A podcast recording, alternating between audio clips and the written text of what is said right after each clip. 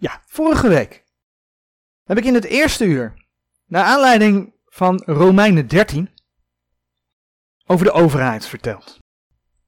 Wat Romeinen 13 en 1 Petrus daarover zeggen. De overheid en de vraag hoe je daar als bijbelgelovige christen tegenover die overheid ja, hebt te houden. Wat de Heere God daarover zegt.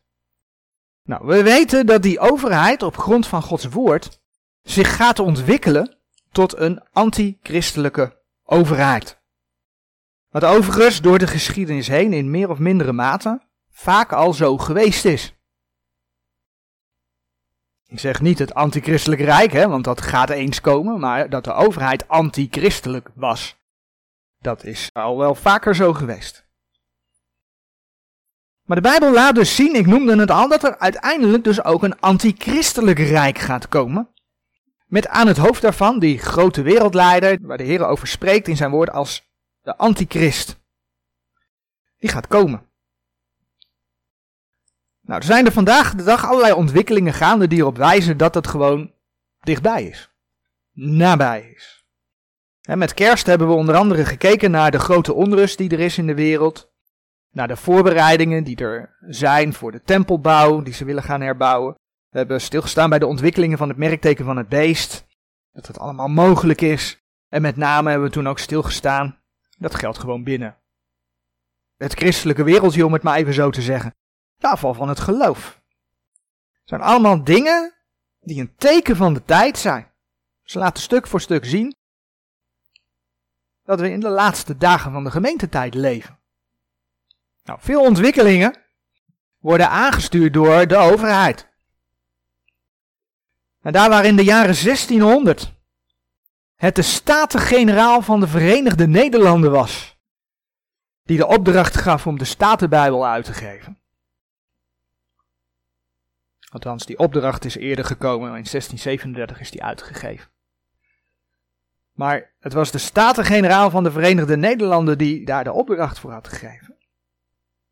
Daar zien we vandaag de dag dat onze overheid gericht is op het WEF, het WEF, het World Economic Forum. En het zijn de plannen van het World Economic Forum die momenteel wereldwijd uitgevoerd worden. Het is niet alleen onze overheid die daarmee bezig is, maar het is wereldwijd zo. En de oprichter en directeur van het WEF is Klaus Schwab. De naam zal ondertussen wel bekend zijn bij iedereen, denk ik. belangrijk adviseur van hem is Yuval Harari.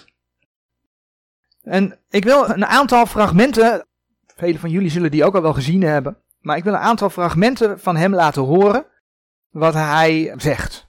Wat er uit zijn mond komt. Om te laten zien wie dat is. Volgens het, ik noem het maar even het WEF, is God dood.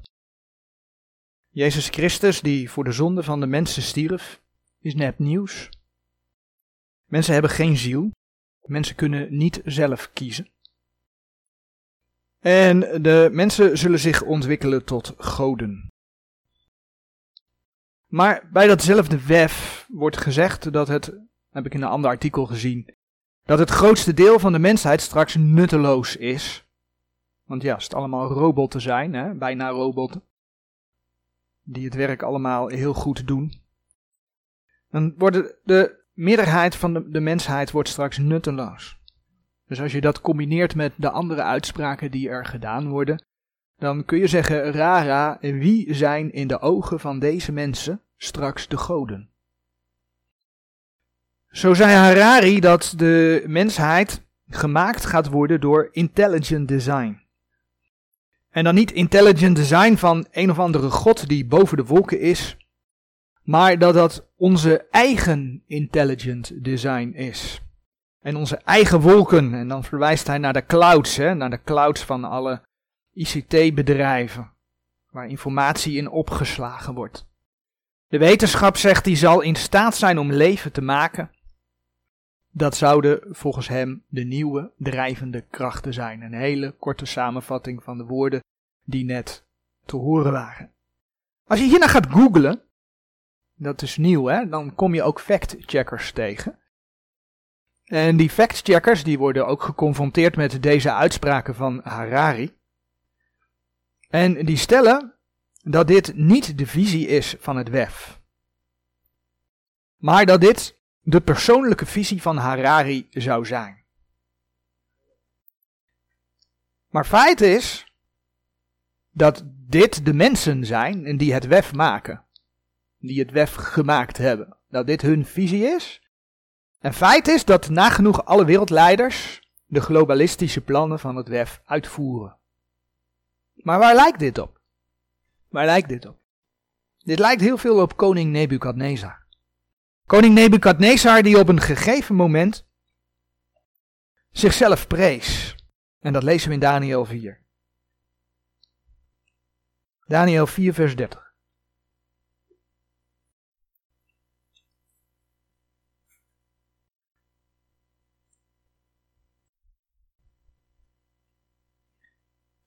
Daniel 4, vers 30. En laten we het even lezen vanaf vers 29.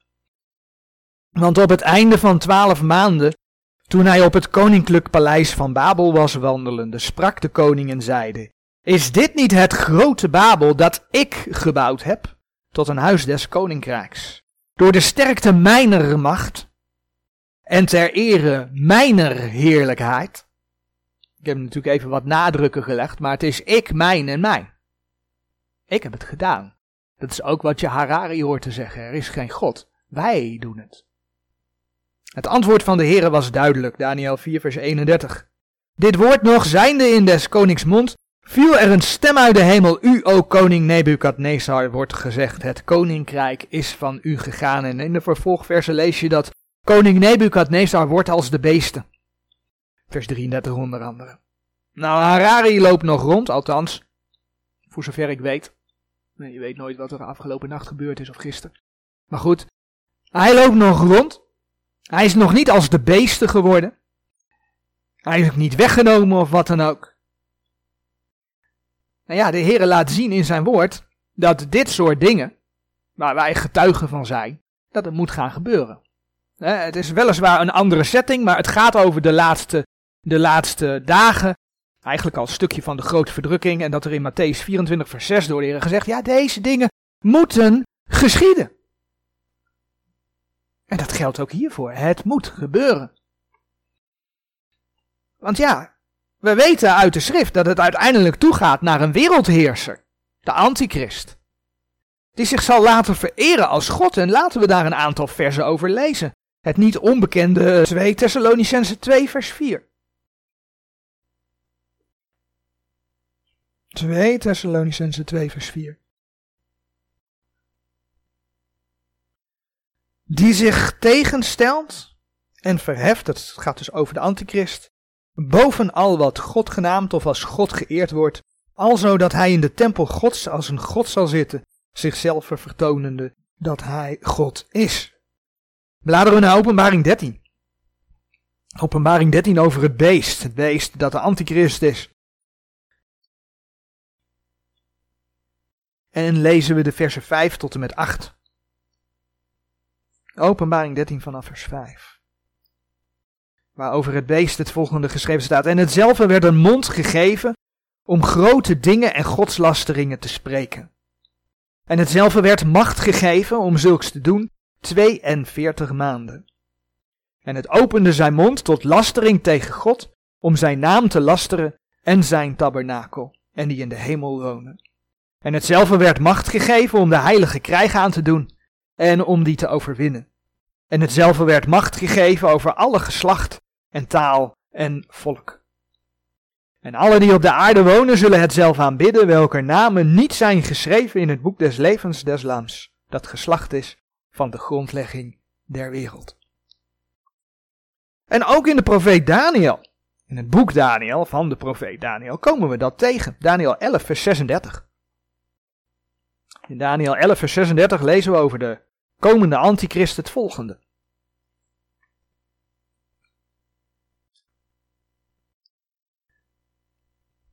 Daniel 11, vers 36. En die koning zal doen naar zijn welgevallen, en hij zal zichzelf verheffen en groot maken boven alle God, En hij zal tegen de God der goden wonderlijke dingen spreken. En hij zal voorspoedig zijn, totdat de gramschap voleind zij, want het is vastelijk besloten. Het zal geschieden. Ik zal die laatste zin nog een keer voorlezen, want daar kom ik zo meteen op terug. En hij zal voorspoedig zijn, totdat de gramschap voleind zij, want het is vastelijk besloten. Het zal geschieden. Eigenlijk zien we die dingen nu dus al gebeuren.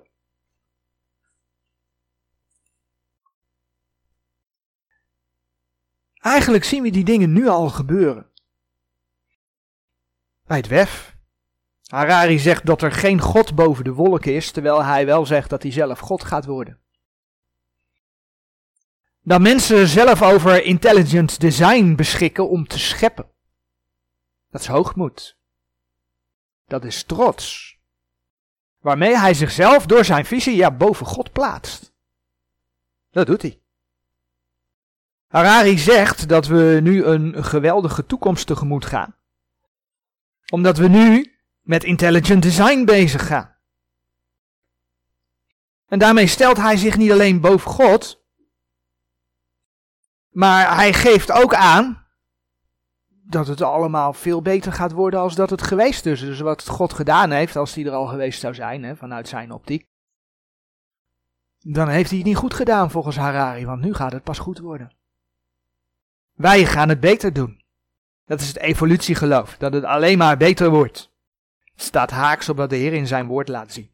Laten we Prediker 3 vers 11 opzoeken.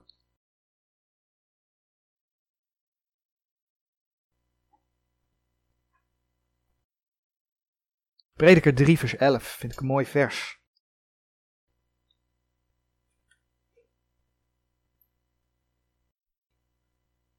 Hij heeft ieder ding schoongemaakt op zijn tijd.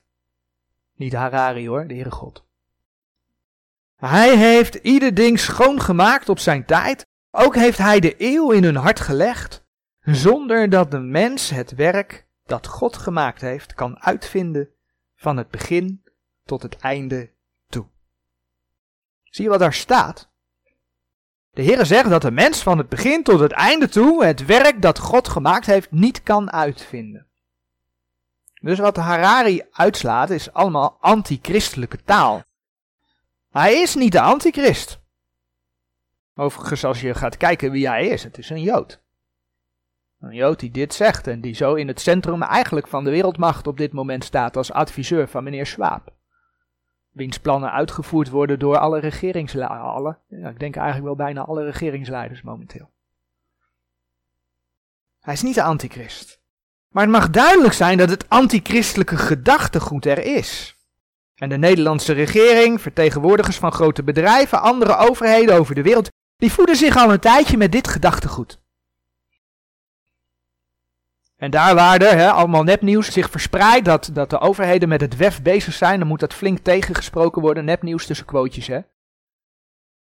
En dan wordt het zelfs door de ChristenUnie, meneer Segers, die nu opgestapt is als ik het goed begrepen heb, maar werd tegengesproken. Nee, het WEF moet je niet zo belangrijk zien. Nee, nee. Dus ze voeden zich met dat gedachtegoed. En je kunt zeggen, hè, sinds corona, nou, het gaat ze eigenlijk best wel goed met al hun plannen.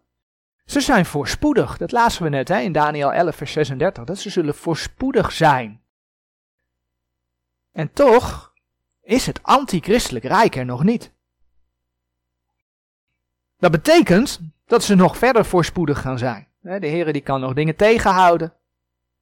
Ik denk ook dat hij dat doet, want de berichten waren eerst dat ze afgelopen jaar dat digitale idee al uitgerold wilden hebben. Nou, wij hebben daar allemaal denk ik nog geen post over ontvangen. Dus zover is het nog niet.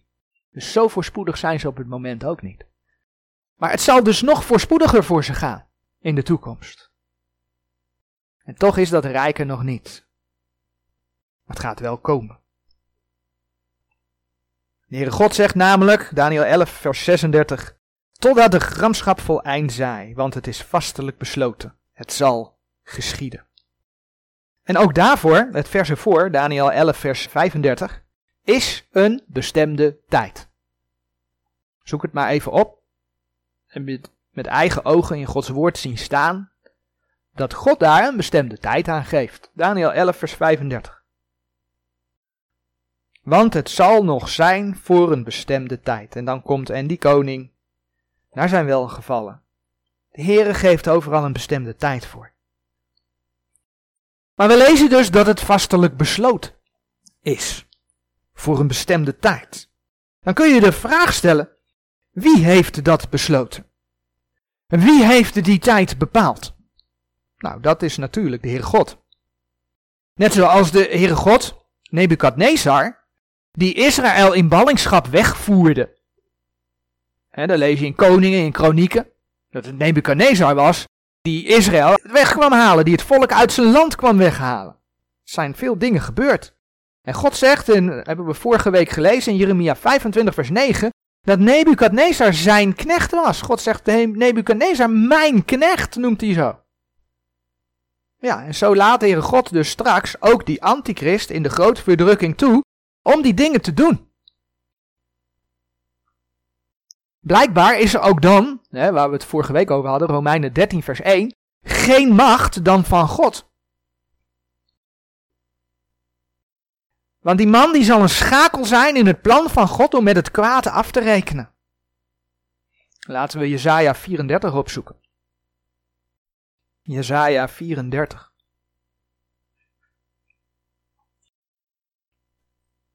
En dan lezen we daar de eerste vier versen. Nadert, gij heidenen om te horen, en gij volken luistert toe. De aarde horen en haar volheid, de wereld en alles wat daaruit voortkomt. Want de verbolgenheid des Heren is over al de heidenen, en grimmigheid over al hun heer. Hij heeft hen verbannen, hij heeft hen ter slachting overgegeven. En hun verslagenen zullen weggeworpen worden, en van hun dode lichamen zal hun stank opgaan, en de bergen zullen smelten van hun bloed. En al het Heer der hemelen zal uitteren en de hemelen zullen toegerold worden gelijk een boek.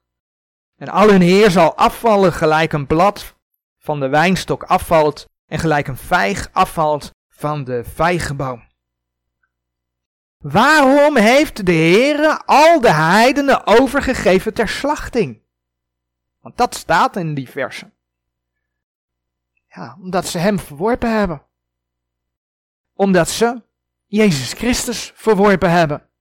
als je in 2 Thessalonicense kijkt, 2 Thessalonicense 2, vers 11 en 12, dan lezen we daar het volgende. 2 Thessalonicense 2, vers 11 en 12.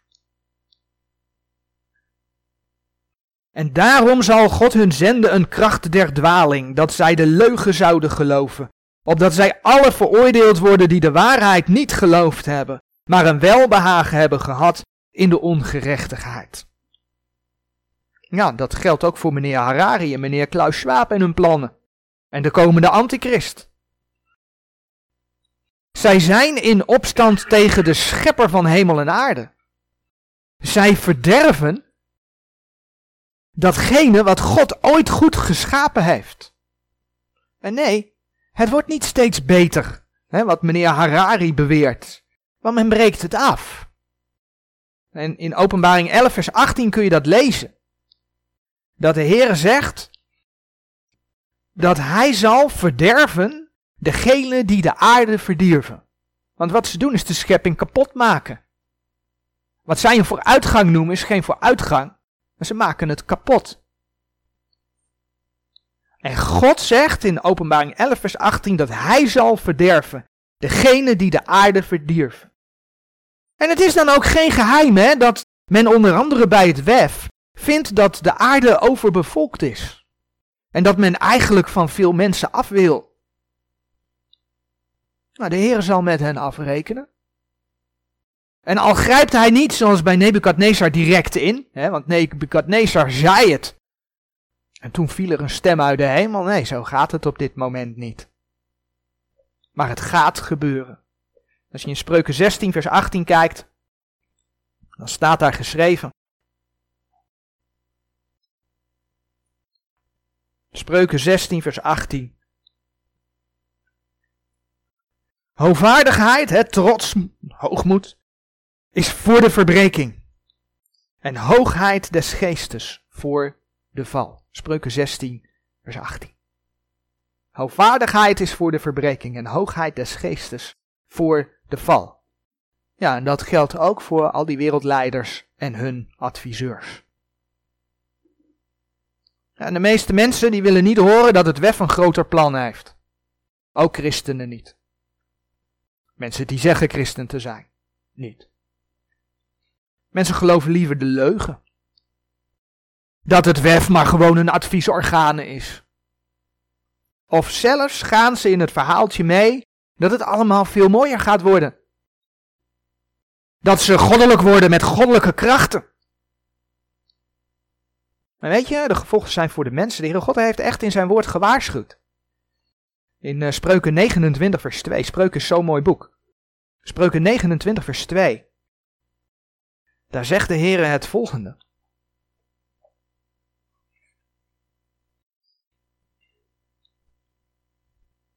Als de rechtvaardigen groot worden, verblijdt zich het volk. Maar als de goddeloze heerst, zucht het volk. Het gevolg van het feit dat de goddeloze aan de macht is, dat de antichristelijke geest al aan de macht is, niet de antichrist zelf, heb ik niet gezegd, dat de antichristelijke geest al aan de macht is, is dat het volk gaat zuchten.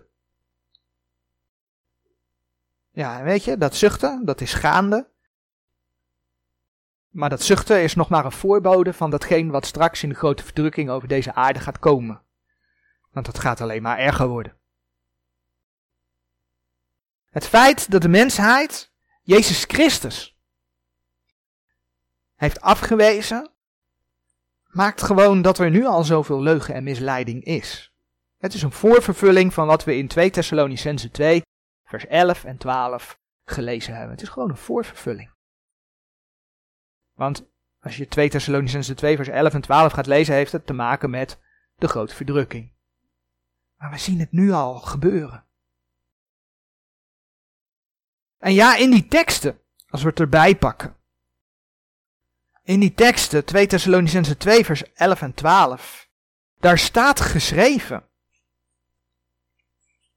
Dat de Heere God zelf een kracht der dwaling zendt. Dus dat kan gebruikt worden hè, door mensen die niet willen geloven dat iedereen een eigen wil heeft. Meneer Harari wil dat ook niet geloven. Of beter gezegd, hij wil het ze afpakken. Maar goed.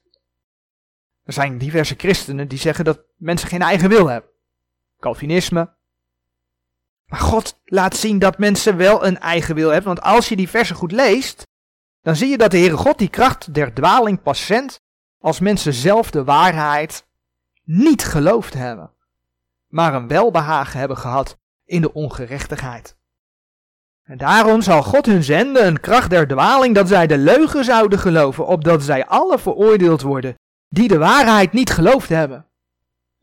Dus als je de waarheid niet gelooft, dan zendt God een kracht der dwaling. En waarom? Zodat je veroordeeld kunt worden. Dus God geeft ze over aan wat er in die grote verdrukking gaat gebeuren. Want ze hebben hem afgewezen. Dat is wat daar staat. Er staat ook nog, ze hebben dus de waarheid niet geloofd, maar een welbehagen hebben gehad in de ongerechtigheid. Dat is toch wat deze wereld doet? Lachen om de meest smerige dingen. Dat is toch ongerechtigheid? Een deeltje ervan.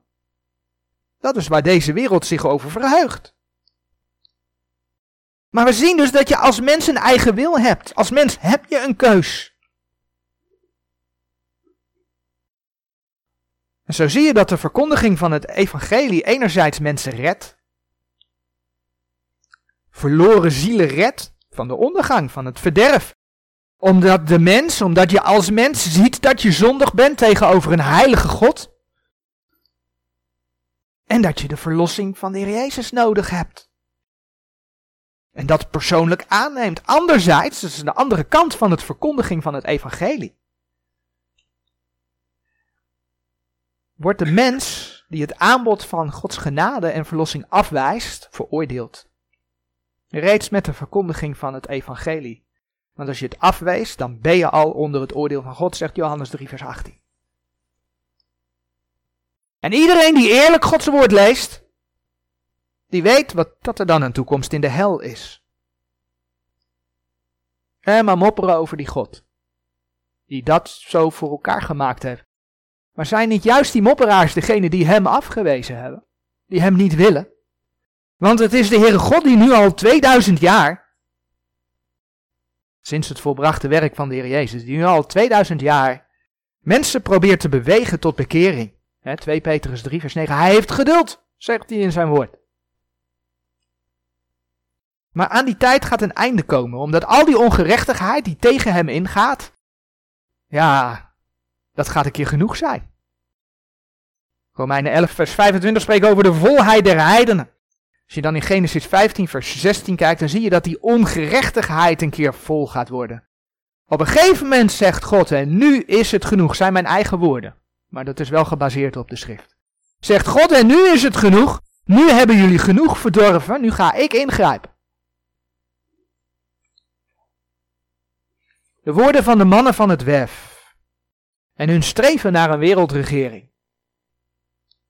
Laten we opnieuw zien dat we met het laatste der dagen van deze gemeentetijd bezig zijn. Gods ingrijpen in de geschiedenis is nabij. En de start van dat alles, ja, dat zal zijn dat hij zijn kinderen thuis gaat halen. Voordat de Heere God Sodom en Gomorra omkeerde, haalde hij Lot daar weg. Dat lees je in Genesis 19, vers 22 tot en met 25. In de brieven aan de gemeente zie je dat de gemeente niet gesteld is tot toren. 1 Thessalonicense 1 vers 10, 1 Thessalonicense 5 vers 9. En zo zegt de Heer in Romeinen 5 vers 9. Romeinen 5 vers 9.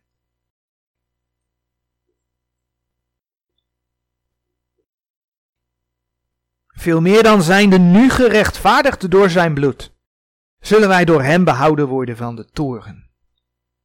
Enerzijds ben je als wederomgeboren gelovige behouden van de toren van het laatste oordeel. Daar zul je niet geoordeeld worden omdat de Heer Jezus plaatsvervangend voor jouw zonde gestorven is. Maar anderzijds wijst dit vers op het feit dat als de Heer zijn toren over de aarde stuurt, dat Hij je daarvan zal behouden. Hij haalt je als kind van God thuis. En dat is waar je als wederom geboren christen naar uit mag zien. Het gedeelte van de opname van de gemeente in de 1 Thessalonicense 4, vers 13 tot en met 18, eindigt dan ook met de woorden. 1 Thessalonicense 4, vers 18. Zo dan, vertroost elkander met deze woorden. Je mag uitzien naar de Here en je mag elkaar daarmee vertroosten. Ja, als je al die dingen ziet gebeuren,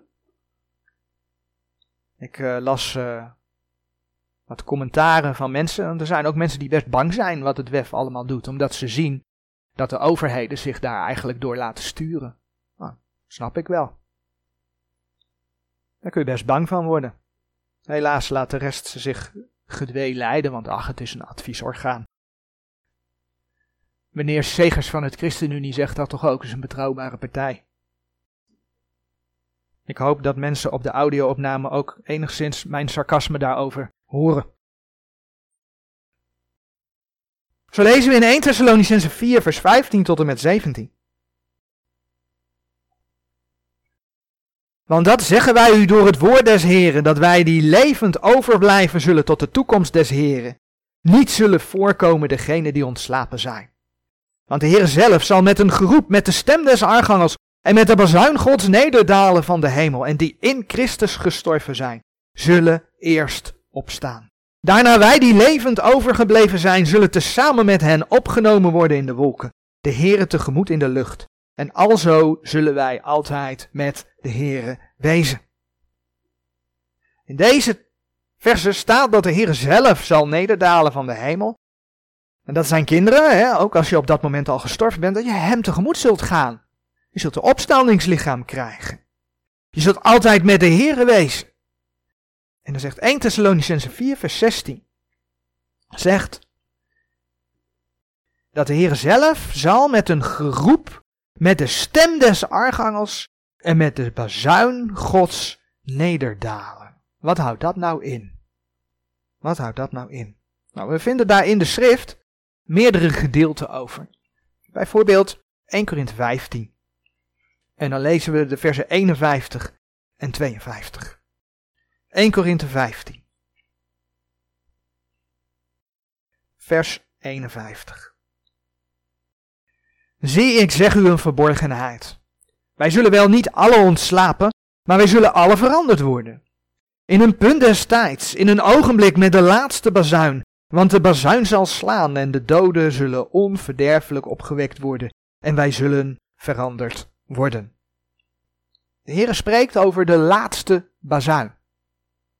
Het is goed om daar even bij stil te staan, want juist die laatste bazuin is weer een aanleiding voor een aanzienlijk deel van de christenen om te zeggen, zie je wel dat we de grote verdrukking door moeten.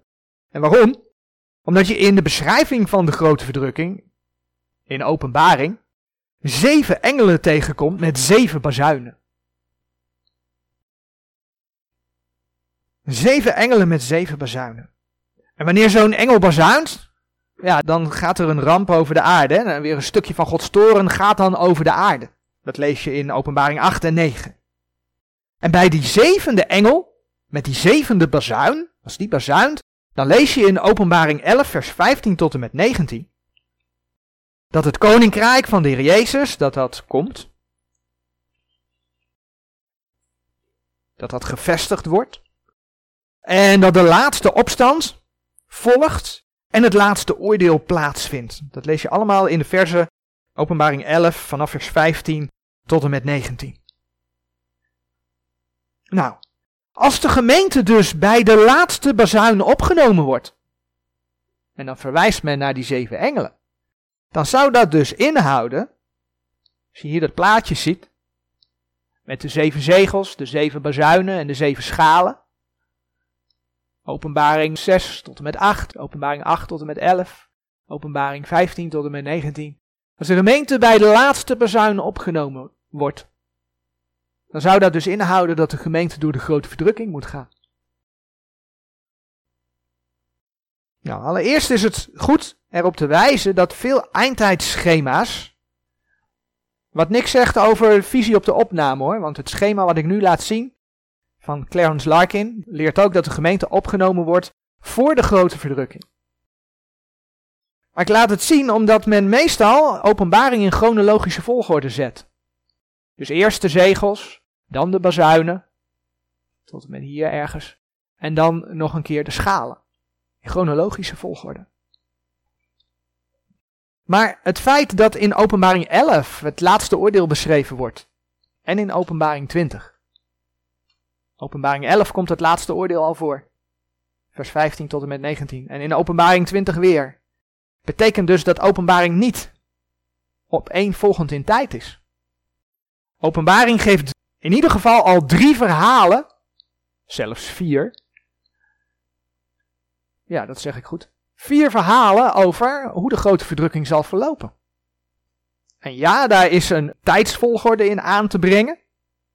En dat laat dit schema zien. En in die volgorde, daar ga ik nu niet op in, waarom ik tot die volgorde gekomen ben. Er zijn aanwijzingen voor in Gods woord. Dus een deel van de bazuinen loopt gelijk op met een deel van de zegels. En dat geldt dus ook voor een deel van de schalen. En dan kun je dus inderdaad zien dat aan het eind van de zegels het oordeel plaatsvindt. En dat aan het eind van de bezuinen het oordeel plaatsvindt. En aan het eind van de schalen het oordeel plaatsvindt. Zo zijn er verschillende verhalen in openbaring. Verschillende geschiedenissen is een beter woord. Die de grote verdrukking beschrijven. Maar al volg je dat je dit achter dit zet. En dat je dit daar nog weer eens een keer achteraan zet. Dan nog zou je dus met de zevende bazuin ergens midden in de grote verdrukking uitkomen en zou de gemeente dus alsnog door de grote verdrukking moeten. Dus de vraag is dan ook, is de laatste bazuin van 1 Korinthe 15 vers 52 en 1 Thessalonicense 4 vers 16, is dat dezelfde laatste bazuin als de bazuin van openbaring 11? Dat is de vraag die we ons moeten stellen. Want als dat de dezelfde laatste bazuin is, dan zou de gemeente dus door de grote verdrukking moeten. Nou, het grote verschil. Het grote verschil tussen bijvoorbeeld 1 Thessalonicense 4 vers 16 en Openbaring 11 is dat het in Openbaring 11 een engel is die bazuint. Terwijl er in 1 Thessalonicense 4 vers 16 sprake is van de Heere die zelf komt met onder andere de bazuin Gods. Bij de opname van de gemeente bazuint de Heer zelf. En ja, in dat vers van 1 Thessalonicense 4 vers 16 is sprake van de archangel met de stem des archangels. Maar een archangel is geen engel.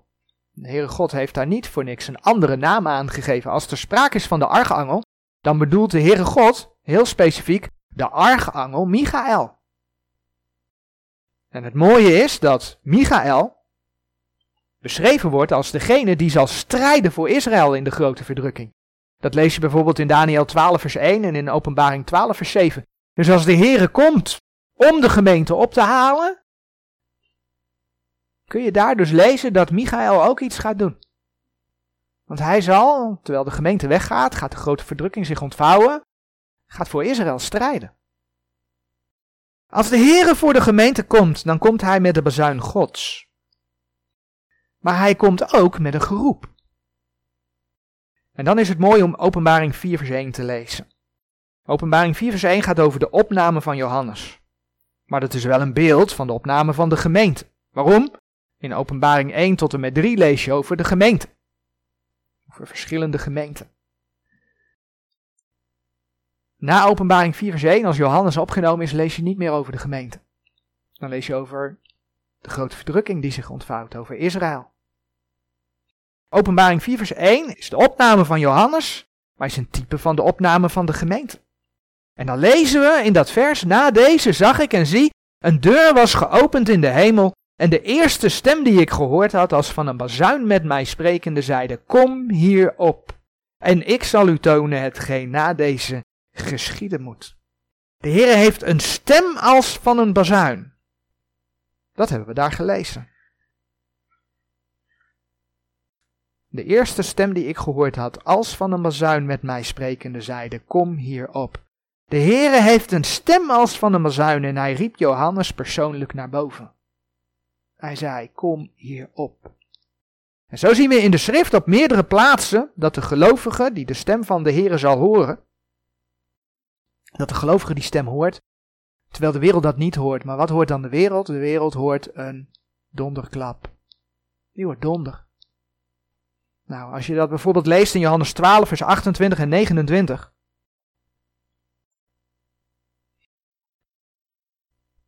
Johannes 12, vers 28 en 29. Waar de Heer Jezus zei, Vader verheerlijk uw naam. Er kwam dan een stem uit de hemel zeggende, en ik heb hem verheerlijkt en ik zal hem wederom verheerlijken. De scharen dan, die daar stond en dit hoorde, zeiden dat er een donderslag geschied was. Anderen zeiden, een engel heeft tot hem gesproken.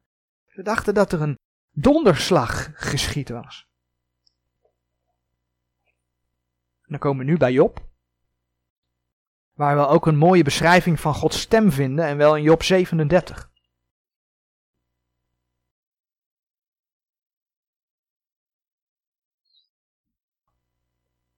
En dan lezen we van Job 37,